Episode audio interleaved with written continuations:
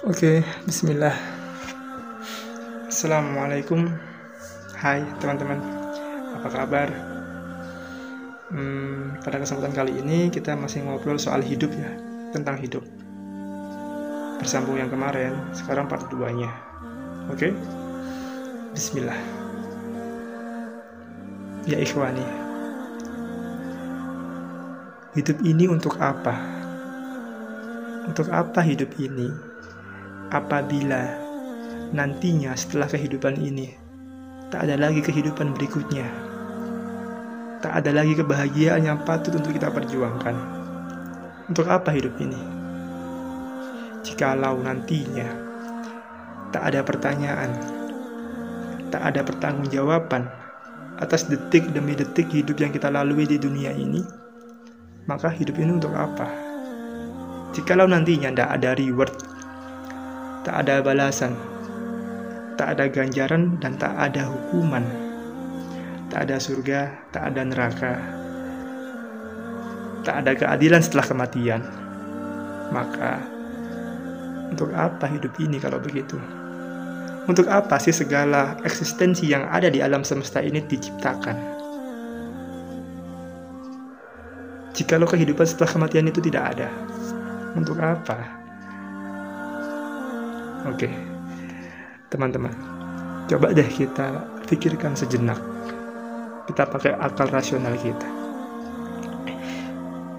Apabila jika manusia yang berakal budi saja mustahil merencanakan ataupun menciptakan sesuatu tanpa ada tujuan. Iya toh?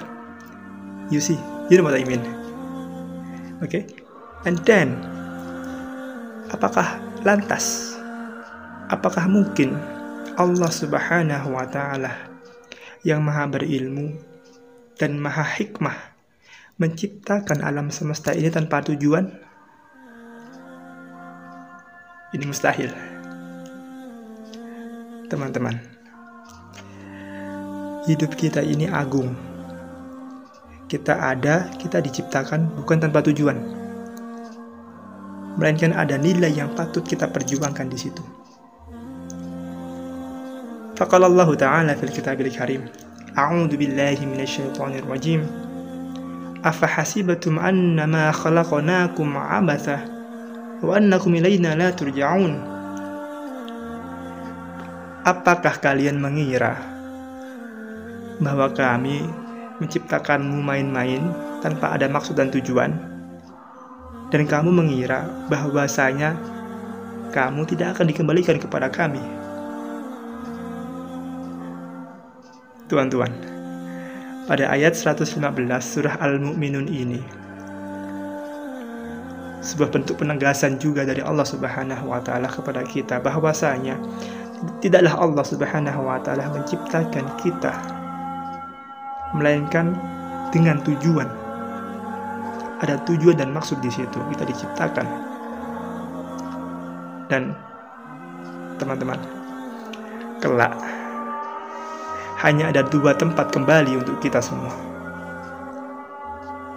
Yakni surga negeri kebahagiaan yang abadi ataukah neraka penjara siksa selama-lamanya. Maka mereka orang-orang yang beriman itu.